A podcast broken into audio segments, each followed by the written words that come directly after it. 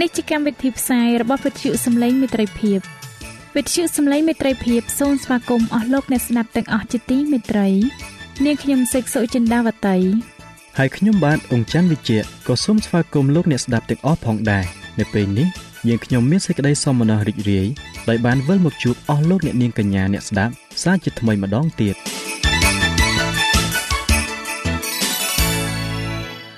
នាងខ្ញុំសេកសុចិន្តាវតី សូមជម្រាបជូនកម្មវិធីផ្សាយដែលមានជាបន្តបន្ទាប់ដូចតទៅ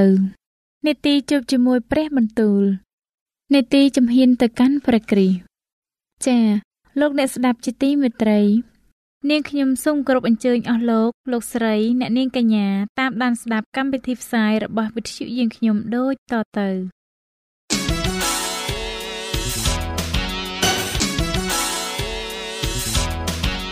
នេតិ ជួបជាមួយព្រះបន្ទូល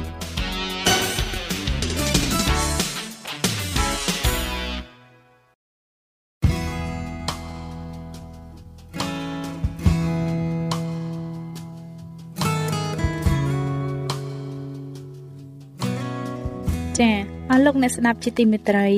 ជាដំបូងនាងខ្ញុំសូមអញ្ជើញលោកអ្នកនាងស្ដាប់នេតិជួបជាមួយព្រះបន្ទូលនេតិនេះ នឹងលើកយកព្រះបន្ទូលពីព្រះគម្ពីររបស់ខ្សត្រទី2ដែលនឹងជម្រាបជូនដល់លោកអង្ចាន់វិជ្ជៈដូចតទៅ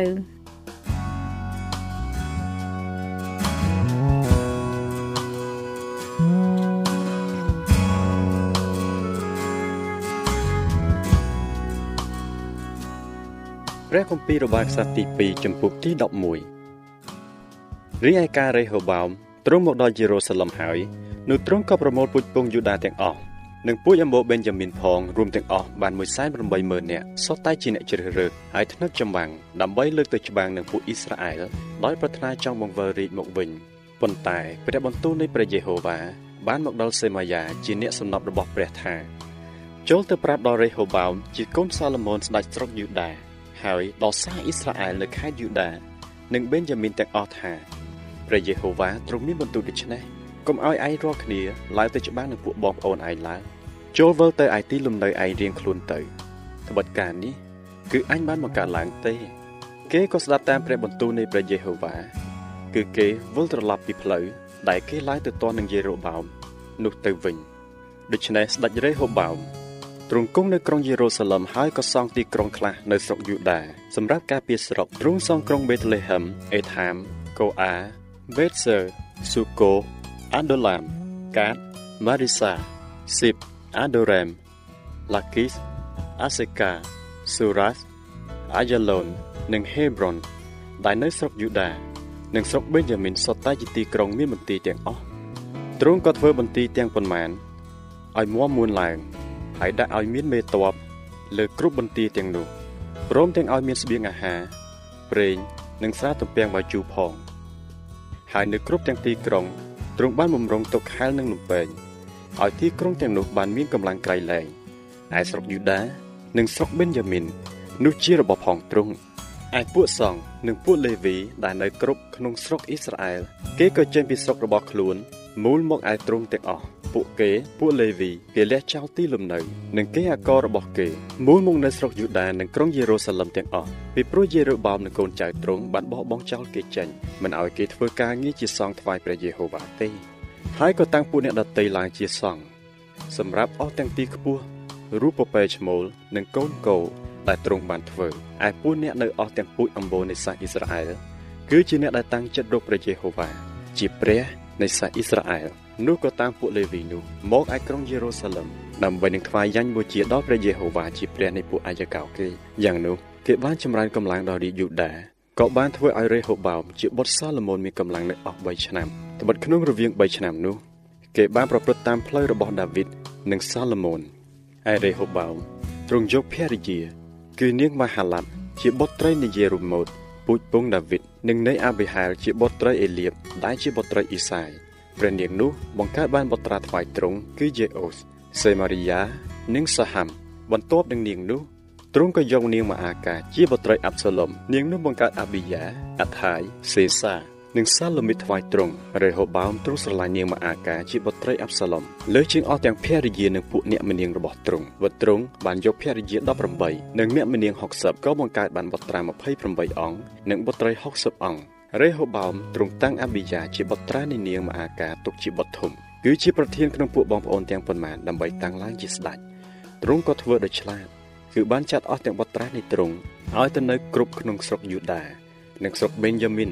ក្នុងអស់ទាំងទីក្រុងមានបន្ទាយក៏ប្រទានឲ្យមានស្បៀងអាហារជាបរិបូរណ៍ហើយរកប្រពន្ធជាច្រើនឲ្យដល់បត្រាទាំងនោះដែរ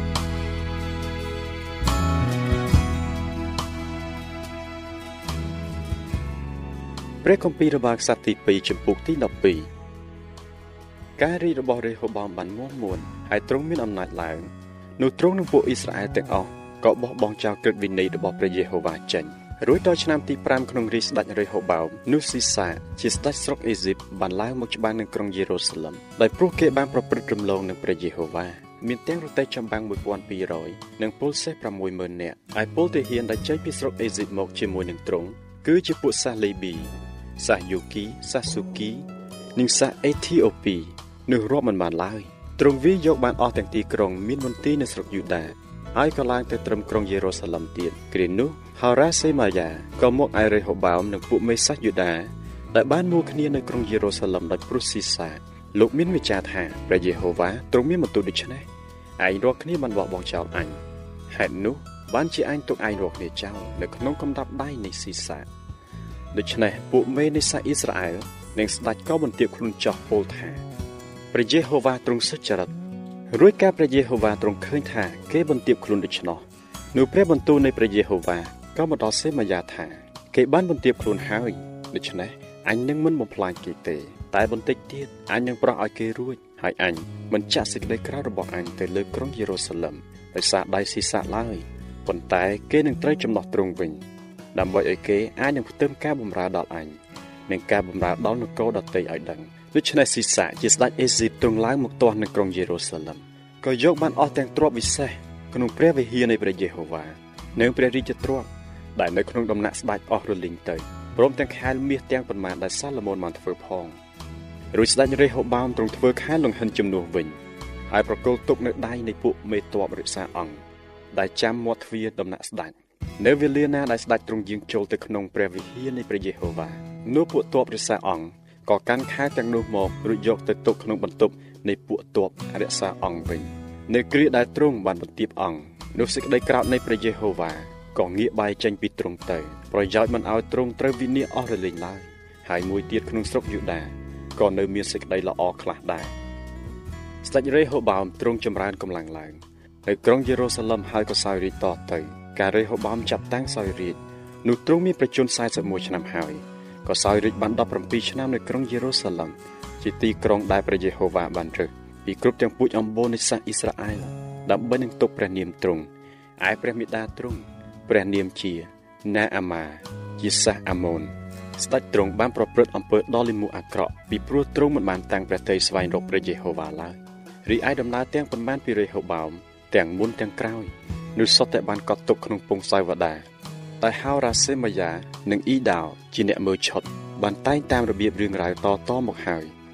ចំណែករេហូបោមនិងយេរូបោម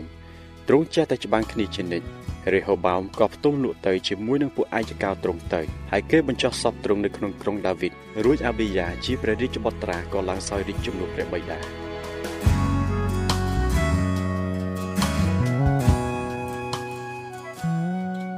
ព្រះគម្ពីររបស់ខ្សត្រទី2ចំពុកទី13នៅឆ្នាំទី18ក្នុងរាជស្ដេចរេហូបោមនោះអាប៊ីយ៉ាចាប់តាំងសោយរាជឡើងលើស្រុកយូដាទ្រង់ក៏សោយរាជ3ឆ្នាំនៅក្រុងយេរូសាឡឹមព្រះមេដាទ្រង់ព្រះនាមជាមីកាយ៉ាជាបុត្រីអូរៀលអ្នកក្រុងគីបៀអាប៊ីយ៉ានិងយេរ៉េបាមក៏ច្បាំងគ្នាដែរហើយអាប៊ីយ៉ាទ្រង់ចាប់តាំងតចម្បាំងមានពលទ័ពសុទ្ធតែមនុស្សថ្នឹកចម្បាំងហើយជ្រើសរើសមានចិត្តក្លាហានចំនួន4សែននាក់ហើយយេរ៉ូបាម ក៏តម្រៀបទ័ពច្បាំងនឹងទ្រង់មានមនុស្សជ្រើសរើសហើយក្លាហាន8សែននាក់ហើយអាប៊ីយ៉ាទ្រង់ឈរនៅលើភ្នំសេម៉ារ៉ែមដែលនៅស្រុកភ្នំអេប្រាអឹមមានបន្ទូលថាឲ្យយេរូបោមនិងពួកអ៊ីស្រាអែលទាំងអស់គ្នាអើយចូលស្ដាប់ចោះគួរឲ្យឯងរកគ្នាដឹងថាព្រះយេហូវ៉ាជាព្រះនៃសាសអ៊ីស្រាអែលបានប្រទានអំណាចលើសាសអ៊ីស្រាអែលដល់ដាវីតហើយសោយរាជាដរាបទៅ គឺដល់ទ្រង់នឹងវង្សានុវង្សរបស់ទ្រង់តទៅតាមសេចក្តីសញ្ញាដែលតាំងដោយអំបិល ប៉ុន្តែយេរូបោមជាកូននៃបាតដែលជាអ្នកបម្រើរបស់សាឡូមោនបុត្រាដាវីតវាបានលើកខ្លួនឡើងបះបោនឹងចាវាយរបស់ខ្លួនហើយមានមនុស្សជាអាសាអិតកានិងមនុស្សចៅមសៀតបានរួមគ្នា ជាមួយនឹងវា ចម្រើនកម្លាំងឡើងទាស់នឹងរេហូបោមជាបុត្រាសាឡូមោនក្នុងកាលដែលរេហូបោមនៅខ្ចីគំនិតហើយចិត្តទុនមិនអាចទប់នឹងគេបានឡើយឥឡូវនេះឯងរាល់គ្នាគិតតតាំងនឹងនគររបស់ព្រះយេហូវ៉ាដែលនៅក្នុងអំណាចកូនចៅដាវីតទៀត ឯងរាល់គ្នាមានគ្នាសន្ធឹកណាស់ហើយកូនកូមាសដែលយេរូបោមបានធ្វើទុកជាព្រះរបស់ឯងក៏នៅជាមួយនឹងឯងដែរតើឯងរាល់គ្នាមិនបានបណ្ដេញពួកសង្ឃផងព្រះយេហូវ៉ាគឺជាពួកកូនចៅអេរ៉ុននិងពួកលេវីចេញហើយបានតាំងពួកអ្នកដតីឲ្យធ្វើជាពួកសង្ឃតាមរបៀបអស់ទាំងសាសដតីទេឬអីដល់ម្លេះបានជាអ្នកណាក៏ដោយដែលយកគោស្ទៀវនិងជាមឈ្មោះ7មកចង់បំពោះខ្លួននោះនឹងបានធ្វើជាសង្ឃដល់ព្រះទាំងនោះដែលមិនមែនជាព្រះទេក៏បាន តែខាងឲ្យយើងរាល់គ្នាវិញ គឺព្រះយេហូវ៉ាជាព្រះនៃយើង យើងរាល់គ្នាមិនបានបោះបង់ចោលទ្រង់ទេ យើងមានពួកសង្ឃជាពួកកូនចៅអេរ៉ុននិងពួកលេវីដែលធ្វើការថ្វាយព្រះយេហូវ៉ាវិញរាល់តែព្រឹកល្ងាចគេតែងដុតដង្វាយដុតនឹងគ្រឿងក្រអូបថ្វាយព្រះយេហូវ៉ាជានិច្ចក៏រៀបនំប៉័ងតាំងទុកដាក់លើតុបរិសុទ្ធព្រមទាំងថែជើងចង្គៀងមាសនិងចង្គៀងទាំងប៉ុន្មាន ដែលសម្រាប់ដុតរាល់តែល្ងាចត្បិតយើងរាល់គ្នារសារបញ្ញារបស់ព្រះយេហូវ៉ាជាព្រះនៃយើង តែឯឯងរាល់គ្នាបានបោះបង់ចោលទ្រង់វិញហើយមើលព្រះទ្រង់គង់ជាមួយក៏ជាអ្នកនាំមុខយើងពួកសង្ឃរបស់ទ្រង់ក៏កាន់ត្រែសម្រាប់នឹងផ្លុំឲ្យស្លន់ឡើងទាស់នឹងឯងរាល់គ្នាអោពួកកូនចៅអ៊ីស្រាអែលអើយកុំឲ្យច្បាស់នឹងព្រះយេហូវ៉ាជាព្រះនៃពួកឯងចកោឯងរាល់គ្នាឡើយពីព្រោះឯងរាល់គ្នាមិនចម្រើនទេ តែឯជារូបោមទ្រង់ចាត់ពួកទ័ពបង្កប់ឲ្យវៀងទៅខាងក្រោយដូច្នេះមានពួកគេនៅពីខាងមុខ និងពួកទ័ពបង្កប់នៅពីខាងក្រោយនៃពួកយូដាកាលពួកយូដាបានក្រឡេកបែរមើលទៅក្រោយនោះក៏ឃើញមានច្បាំងពីមុខពីក្រោយដូច្នេះគេក៏អំពាវនាវដល់ព្រះយេហូវ៉ាហើយពួកសង្ឃក៏ផ្លុំត្រែឡើងពួកទ័ពយូដាគេស្រែកឡើងហើយកំពុងតែពួកយូដាស្រែកឡើងដូច្នោះនោះព្រះទ្រង់ក៏វាយយេរូបោមនិងពួកអ៊ីស្រាអែលទាំងអស់នៅមុខអាប៊ីយ៉ានិងពួកយូដាពួកកូនចៅអ៊ីស្រាអែលគេបាក់ទ័ពរត់ពីមុខពួកយូដា ហើយព្រះទ្រង់ប្រគល់គេមកក្នុងកម្ដាប់ដៃនៃពួកយូដាអាប៊ីយ៉ានិងពួកទ័ពទ្រង់ក៏ប្រហារសម្លាប់គេយ៉ាងសម្បើមមានពួកអ៊ីស្រាអែលសុទ្ធតែជាមនុស្សជ្រើសរើសបានដួលស្លាប់អស់5សែននាក់នៅវេលានោះពួកកូនចៅអ៊ីស្រាអែលត្រូវក្រាបចុះឯពួកកូនចៅយូដាគេមានជ័យជំនះតែព្រោះគេបានពឹងដល់ព្រះយេហូវ៉ាជាព្រះនៃពួកអាយកោគេ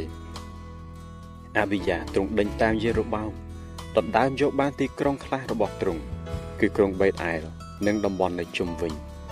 ក្រុងយេសាណានិងតំបន់នៅជុំវិញនិងក្រុងអេប្រុនព្រមទាំងតំបន់នៅជុំវិញដែរហើយនៅក្នុងរាជអាប៊ីយ៉ានោះយេរូបោមមិនបានចម្រើនកម្លាំងឡើងវិញទៀតឡើយរួចព្រះយេហូវ៉ាប្រហារទ្រង់ឲ្យសុគតទៅឯអាប៊ីយ៉ាទ្រង់មានអំណាចកាន់តែខ្លាំងឡើងទ្រង់យកភរិយា14ហើយបង្កើតបានបុត្រា22អង្គនិងបុត្រី16អង្គរីឯដំណើរឯទៀតពីអាប៊ីយ៉ា ហើយពីការរបស់ទ្រង់និងព្រះបន្ទូលនៃទ្រង់នោះសុទ្ធតែបានកត់ទុកនៅក្នុងសិភៅបរិយាយនៃហោរាអ៊ីដោហើយចា៎ប្រិយមិត្តអ្នកស្ដាប់ជាទីមេត្រី ដោយពេលវេលាមានកំណត់ យើងខ្ញុំសូមផ្អាកនេតិជួបជាមួយព្រះបន្ទូលនេះត្រឹមតែប៉ុណ្ណេះសិនចុះដោយសន្យាថា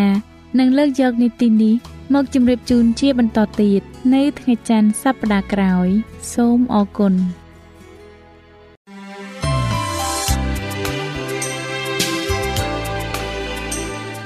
វិទ្យុសំឡេងមេត្រីភាព AWR នាំមកជូនលោកអ្នកនៅសារនៃសេចក្តីសង្ឃឹមសម្រាប់ជីវិត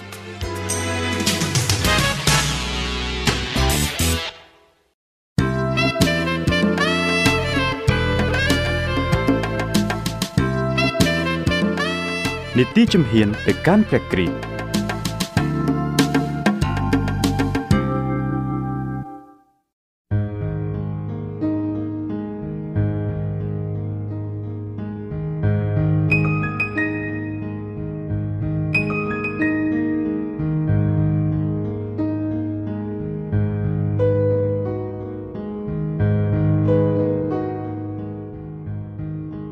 សិកសុចិនាវតីមានសេចក្តីសមនោះរីករាយវិលមកជួបលោកអ្នកសាជាថ្មីម្ដងទៀតនៅក្នុងកម្មវិធីជំហានទៅកាន់ព្រះគ្រីស្ទហើយនៅពេលនេះដែរនាងខ្ញុំសូមលើកយកវគ្គបន្តនៃប្រធានបទមុន ដែលមានចំណងជើងថាការស្គាល់ព្រះ មកជម្រាបជូនដូច្នេះសូមលោកអ្នកតាមដានស្ដាប់ជាមួយនឹងនាងខ្ញុំដូចតទៅអស់លោកអ្នកជាទីមេត្រី ព្រះជាម្ចាស់បានមានបន្ទូលមកកាន់យើងតាមរយៈកិច្ចការដែលទ្រង់បានប្រមាលមើលដោយឆ្វេងយល់ជាមុននិងតាមរយៈអធិពលនៃព្រះវិញ្ញាណបរិសុទ្ធរបស់ទ្រង់មកលើចិត្តយើង នៅក្នុងកលៈទេសៈនិងបរិយាកាសរបស់យើង នៅក្នុងការផ្លាស់ប្ដូរជារៀងរាល់ថ្ងៃដែលកើតមានឡើងនៅជាមួយយើង ហើយអាចរកឃើញនៅមេរៀនដ៏មានតម្លៃប្រសិនបើចិត្តរបស់យើងបើកចំហ ហើយទទួលយកមេរៀនទាំងនោះ ពួកអ្នកលើកទំនុកដង្កើងព្រះ ដែលបានតាមដានការងារដែលទ្រង់បានប្រទានដល់មនុស្សបានពោលនៅក្នុងព្រះគម្ពីរទំនុកដង្កើងចំពុក33ខ5ថាផែនដីមានពោពេញទៅដោយសេចក្តីសប្បុរសនៃព្រះយេហូវ៉ារីឯនៅបទគម្ពីរទំនុកដង្កើងចំពុក107ខ43ក៏បានសម្ដែងថាបើអ្នកណាមានប្រាជ្ញានោះនឹងរក្សាទុកនៅសេចក្តីទាំងនោះហើយនឹងពិចារណាពីសេចក្តីសប្បុរសរបស់ព្រះយេហូវ៉ា អស់លោកអ្នកជាទីមេត្រី នៅត្រង់ចំណុចនេះនាងខ្ញុំសូមលើកទឹកចិត្តដល់លោកអ្នកទាំងអស់គ្នាគឺសូមឲ្យលោកអ្នកបានបើកចិត្តដើម្បីស្វែងយល់អំពីធម្មជាតិនិងអ្វីៗដែលនៅជុំវិញលោកអ្នកហើយព្រមទាំងសិក្សាព្រះបន្ទូលបរិសុទ្ធរបស់ផងព្រះនោះលោកអ្នកនឹងបានស្ដាប់នៅព្រះសូរសៀងហើយដែលនឹងអាចនាំលោកអ្នកបានឈានទៅរកការស្គាល់ដល់ទ្រង់ថែមទៀតផង ដែលទ្រង់នោះហើយគឺជាព្រះអង្គសង្គ្រោះដ៏ពិត ព្រះជាម្ចាស់មានបន្ទូលទៅកាន់យើងដោយព្រះបន្ទូលរបស់ទ្រង់ពេលនោះយើងបានយល់កាន់តែច្បាស់ឡើងថែមទៀតនៅការបើកសម្ដែងអំពីលក្ខណៈសម្បត្តិរបស់ទ្រង់អំពីទំនាក់ទំនងរបស់ទ្រង់ជាមួយមនុស្សនិងការងារដ៏អស្ចារ្យនៅក្នុងការប្រោះលោះយើងរាល់គ្នាពីបាបតាមប្រវត្តិសាស្ត្របានបង្ហាញអំពីពួកចាស់ព្រឹទ្ធាចារ្យពួកហារ៉ានិងពួកបរិសុទ្ធពីសម័យបុរាណបានបើកចំហនិងសម្ដែងយ៉ាងច្បាស់នៅមុខយើង ពួកគេទាំងនោះជាមនុស្សដែលមានអារម្មណ៍ចិត្តគំនិតដូចជាយើងរាល់គ្នាដែរដែលបានសម្ដែងនៅក្នុងព្រះគម្ពីរយ៉ាកុបចំពុក5ខ17អស់លោកអ្នកជាទីមេត្រីតើពួកគេមានការតស៊ូយ៉ាងណាខ្លះនៅក្នុងពេលដែលបាក់ទឹកចិត្តដោយដែលយើងធ្លាប់មាននៅក្នុងជីវិតយើងនោះ យើងក៏ឃើញដែរនៅពេលដែលពួកគេធ្លាក់ចុះនៅក្នុងសេចក្តីល្បួងដូចជាយើងបានឆ្លងកាត់មកហើយប៉ុន្តែ ពួកគេបានតាំងចិត្តឡើងវិញ ហើយក៏ដណ្ដើមយកជ័យជំនះតាមរយៈព្រះគុណនៃព្រះជាម្ចាស់នោះឯងដោយសម្លឹងមើលទៅអ្នកទាំងនោះ យើងក៏បានពង្រឹងសេចក្តីក្លាហាននិងការខិតខំប្រឹងប្រែងរកសេចក្តីសុចរិតរបស់យើងដូច្នេះនៅពេលដែលយើងបានសិក្សាពីបទពិសោធន៍ដ៏មានតម្លៃរបស់ពួកគេ អំពីពន្លឺនិងសេចក្តីស្រឡាញ់និងប្រពរដែលគេបានទទួលដោយសេចក្តីអំណររីករាយ ហើយនឹងអំពីការងារដែលគេបានធ្វើឲ្យបានជារូបរាងឡើងតាមរយៈប្រគុណដែលផ្ដល់ដល់គេ នោះព្រះវិញ្ញាណដែលបណ្ដាលចិត្តគេ និងបណ្ដាលចិត្តគេឲ្យប្រៀបដូចជាភ្លើងដែលឆេះឡើងយ៉ាងសន្ធោសន្ធៅនៅក្នុងចិត្តហើយធ្វើឲ្យមានចំណងចង់ត្រាប់តាម ភាពបរិសុទ្ធនិងអត្តចរិតរបស់ព្រះដូចជាពួកសាវកដែលដើរជាមួយនឹងទ្រង់ដូចនេះដែរអស់លោកជាទីមេត្រី ព្រះយេស៊ូវមានព្រះបន្ទូលនៅក្នុងព្រះគម្ពីរសញ្ញាចាស់ហើយតើក្នុងគម្ពីរសញ្ញាថ្មី មានភាពពិតនោះលើសជាងប៉ុណ្ណាទៅ នៅក្នុងព្រះគម្ពីរយូហានចំពុក5ខ39សម្ដែងថា គឺជាព្រះគម្ពីរនោះឯងដែលធ្វើជាទីបន្ទាល់ពីរូបខ្ញុំនេះមានន័យថាទ្រង់ជាព្រះប្រោះលោះជាព្រះអង្គម្ចាស់ដែលសេចក្តីប្រាថ្នា សង្ឃឹមរបស់យើងទៅឯជីវិតដ៏អស់កលពឹងផ្អែកលើទ្រង់ទាំងស្រុងជាការពិតណាស់ ដែលព្រះគម្ពីរទាំងមូលបានរៀបរាប់ប្រាប់យើងអំពីព្រះគ្រីស្ទជាម្ចាស់គឺចាប់តាំងពីប្រវត្តិដំបូងនៃការបង្កបង្កើតលោកីពីព្រោះគម្ពីរយូហានជំពូក1ខ3បានចែងថាគ្មានអ្វីណាមួយកើតមកក្រៅពីទ្រង់ឡើយរហូតមកដល់សេចក្តីសន្យាចុងក្រោយបង្អស់យើងបានអានអំពីការងាររបស់ទ្រង់និងស្ដាប់នៅព្រះបន្ទូលនៅក្នុងព្រះគម្ពីរវិវរណៈចំពុក22ខ12ដែលបានសម្ដែងថាមើលអញនឹងមកជាឆាប់ អស់លោកអ្នកទីមេត្រីប្រសិនបើលោកអ្នកចង់ស្គាល់ព្រះអង្គសង្គ្រោះនោះសូមសិក្សាព្រះគម្ពីរបរិសុទ្ធរបស់ទ្រង់ហើយសូមឲ្យលោកអ្នកបើកចំហចិត្តរបស់លោកអ្នកចុះសូមបំពេញចិត្តរបស់លោកអ្នកដោយនៅព្រះបន្ទូលរបស់ព្រះជាម្ចាស់ព្រះបន្ទូលរបស់ទ្រង់គឺជាទឹកនរោះដែលអាចបំបត្តិនៅការស្រេកឃ្លានដ៏ក្រហល់ក្រហាយរបស់លោកអ្នកបានព្រះបន្ទូលរបស់ទ្រង់គឺជានំប៉័ងជីវិតមកពីសួគ៌ទ្រង់ក៏បានពន្យល់ឲ្យយើងដឹងពីទ្រង់ ដោយមានព្រះបន្ទូលនៅក្នុងព្រះគម្ពីរយូហានជំពូក6ខ63ថាឯពាក្យដែលខ្ញុំនិយាយទៅនោះត្រូវខាងវិញ្ញាណនិងជីវិតវិញ នៅពេលដែលយើងសម្លឹងមើលទៅ ហើយយកចិត្តទុកដាក់នៅអត្ថន័យនៃសួគ៌សេចក្តីជំនឿនិងសេចក្តីស្រឡាញ់របស់យើងនឹងរីកចម្រើនមាំឡើង ហើយការអធិដ្ឋានរបស់យើងនឹងបានជាទីគប់ព្រះハរតីរបស់ទ្រង់កាន់តែខ្លាំងឡើងខ្លាំងឡើងដែរពីព្រោះការអធិដ្ឋានទាំងនោះ ពោពេញដោយសេចក្តីជំនឿសេចក្តីស្រឡាញ់និងការអធិដ្ឋាននោះកាន់តែឆ្លៀសវៃនិងប្រកបដោយចិត្តឃ្លាវខ្លាថែមទៀតផងយ៉ាងនោះយើងនឹងមានសេចក្តីទំនុកចិត្តស្ថិតស្ថេរនៅលើព្រះយេស៊ូវហើយការរស់នៅប្រចាំថ្ងៃដោយអំណាចរបស់ទ្រង់ដើម្បីជួយសង្គ្រោះដល់អ្នកដែលវិលមករកឯព្រះយេហូវ៉ាតាមរយៈទ្រង់ផង នៅពេលដែលយើងសញ្ជឹងគិតពីភាពល្អឥតខ្ចោះនៃព្រះអង្គសង្គ្រោះនោះយើងនឹងមានចំណងចង់បាន ការផ្លាស់ប្ដូរទាំងស្រុងនិងការបង្កើតជាថ្មីនៅក្នុងរូបភាពដ៏បរិសុទ្ធស្អាតស្អំរបស់ទ្រង់យើងនឹងមានចិត្តស្រេកឃ្លានចង់ឲ្យបានដូចជាព្រះជាម្ចាស់ដែលយើងបានសរសើរដំកើងនៅពេលដែលយើងគិតដល់ព្រះគ្រីស្ទកាន់តែខ្លាំងឡើងខ្លាំងឡើងនោះយើងរឹតតែចង់សម្ដែងប្រាប់អំពីទ្រង់ទៅកាន់អ្នកដទៃហើយនឹងឈរជាតំណាងរបស់ទ្រង់នៅក្នុងលោកីនេះកាន់តែខ្លាំងឡើងដែរព្រះគម្ពីរពុំមែនចរិតទុកមកសម្រាប់ តែអ្នកដែលមានចំណេះដឹងខ្ពង់ខ្ពស់ដូចជាបណ្ឌិតប៉ុណ្ណោះទេ តែផ្ទុយទៅវិញ ព្រះគម្ពីរបានរៀបចំឡើងសម្រាប់មនុស្សសាមញ្ញទូទៅផងដែរសច្ចធម៌ធំធេងនៃព្រះគម្ពីរដែលមានសារដ៏ចាំបាច់ចំពោះសេចក្តីសង្គ្រោះគេបានសម្ដែងមកយ៉ាងច្បាស់ដូចជាពន្លឺព្រះអាទិត្យនាពេលថ្ងៃត្រង់ដូច្នេះដែរដែលគ្មាននរណាម្នាក់អាចនឹងវង្វេងឬមើលមិនឃើញបានឡើយលើកលែងតែអ្នកដែលដើរតាមតែប្រាជ្ញា យោបល់របស់ខ្លួន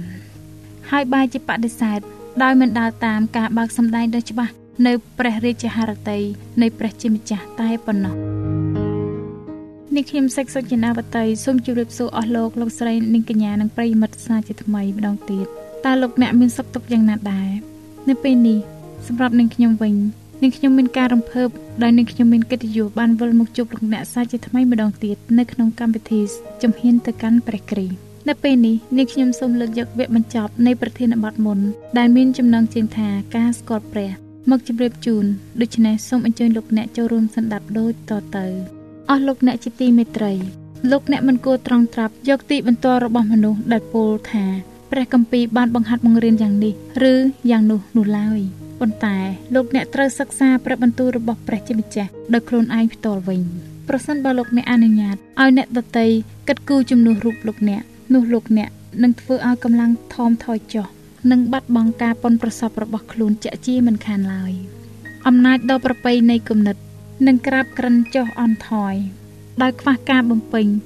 សមយុទ្ធវឹកហ្វឺននៅលើកិច្ចការដែលសមល្មមនឹងធ្វើទៅបាន ហើយក៏បណ្ដាលឲ្យបាត់បង់សមត្ថភាពក្រេបជញ្ជក់យកអត្ថន័យដ៏ជ្រាលជ្រៅនៃព្រះបន្ទូលរបស់ព្រះជាម្ចាស់ជាទូទៅគំនិតនឹងរីកចម្រើនឡើងប្រសិនបើយើង ប្រើការ តាមដានទំនាក់ទំនងនៃអត្ថបទសំខាន់សំខាន់នៃព្រះគម្ពីរបរិសុទ្ធហើយធ្វើការប្រៀបធៀបព្រះបន្ទូលពីព្រះមួយទៅព្រះមួយអស់លោកអ្នកជាទីមេត្រីគ្មានអ្វីអាចចម្រើនកម្លាំងបញ្ញាស្មារតីជាជាងការសិក្សាព្រះបន្ទូលរបស់ព្រះនោះទេគ្មានសិភៅឯណា មានអតិពលខ្លាំងក្លា អាចលើកស្ទួយសតិអារម្មណ៍និងផ្ដល់នូវធម៌ពលដល់សតិបញ្ញា ដូចជាសច្ចធម៌ដ៏ទូទៅ និងប្រសាថ្លៃថ្លានៅក្នុងព្រះគម្ពីរបរិសុទ្ធបានឡើយអស់លោកអ្នកជាទីមេត្រីប្រសិនបើលោកអ្នកសិក្សាព្រះបន្ទូលរបស់ព្រះទៅតាមរបៀបដែលគួរនឹងធ្វើនោះអ្នកពិតប្រកបជាមានទឹកចិត្តទូលំទូលាយចរិតថ្លៃថ្នូរ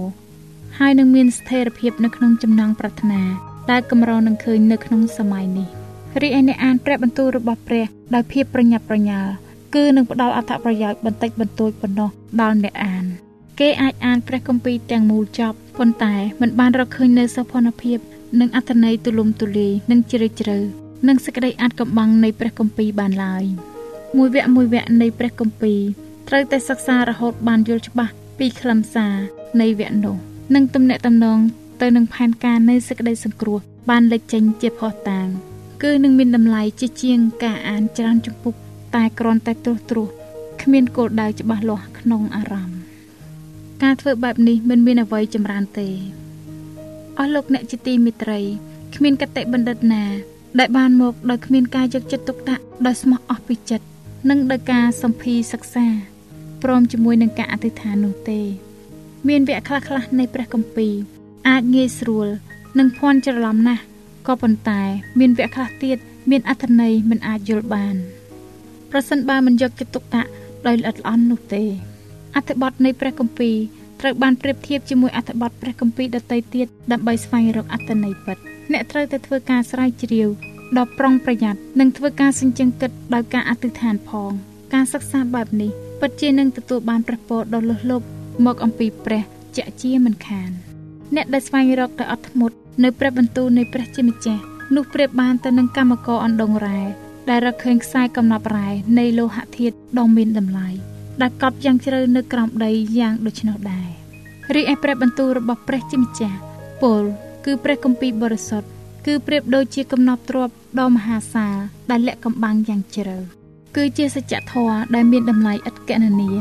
ព្រះបន្ទូលដ៏រស់បានមកពីព្រះជាម្ចាស់បានចាក់បំពេញក្នុងចិត្តលោកអ្នកនិងនិចឡើងប្រៀបបានទៅនឹងចរន្តទឹក ដែលហូរចេញពីប្រភពទឹកនៃជីវិតដ៏នៅអកលអស់លោកអ្នកជាទីមេត្រីលោកអ្នកមិនត្រូវសិក្សាព្រះគម្ពីរដោយគ្មានការអធិដ្ឋាននោះទេ មុនពេលលោកអ្នកបើកទំព័រព្រះគម្ពីរលោកអ្នកត្រូវតែអធិដ្ឋាន សូមពន្លឺអំពីព្រះវិញ្ញាណបរិសុទ្ធនោះទ្រង់នឹងប្រទានដល់លោកអ្នកគ្រប់គ្រប់គ្នាជាពិតអស់លោកអ្នកជាទីមេត្រីពពួកទេវតាដែលមកពីពិភពនៃពន្លឺនឹងស្ថិតនៅជាមួយលោកអ្នកដែលមានចិត្តសុភាពប្រិផ្សា ដែលដើរតាមការដឹកនាំនៃព្រះជាម្ចាស់វិញ្ញាណបរិសុទ្ធសរសើរដំកើងព្រះអង្គសង្គ្រោះកិច្ចការងាររបស់ព្រះវិញ្ញាណបរិសុទ្ធគឺបង្ហាញព្រះយេស៊ូវគ្រីស្ទនៅភាពបរិសុទ្ធឥតខ្ចោះនៃសេចក្តីសុចរិតរបស់ទ្រង់ហើយនឹងសេចក្តីសង្គ្រោះដ៏មហាអស្ចារ្យដែលយើងបានទទួលតាមរយៈព្រះអង្គតើព្រះឲ្យតម្លៃមនុស្សជាតិយ៉ាងលើសលប់យ៉ាងណាណើដែលទ្រង់ប្រទានព្រះរាជបុត្រាទ្រង់ឲ្យមកសគត់ដើម្បីមនុស្សទាំងឡាយ ហើយក៏បានចាត់តាំងព្រះវិញ្ញាណបរិសុទ្ធរបស់ទ្រង់ឲ្យមកបង្រៀនគេ និងធ្វើជាមគ្គុទ្ទេសក៍ដឹកនាំគេជាដរាបរៀងទៅអស់លោកអ្នកជាទីមេត្រីដូច្នេះសូមលោកអ្នកកំភ្លេចសិក្សាព្រះគម្ពីរជារៀងរាល់ថ្ងៃណាត្បិតព្រះគម្ពីរគឺជាប្រភព តែមួយគត់ដែលផ្ដល់ឲ្យលោកអ្នកនៅសេចក្តីពិតឥតខ្លែងខ្លាយសូមព្រះទ្រង់ប្រទានពរដល់លោកអ្នកគ្រប់គ្នាអាមែន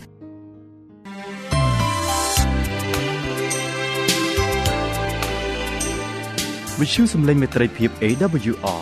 មានផ្សាយពីរដងក្នុងមួយថ្ងៃគឺព្រឹកនៅម៉ោង6និងពេលយប់នៅម៉ោង8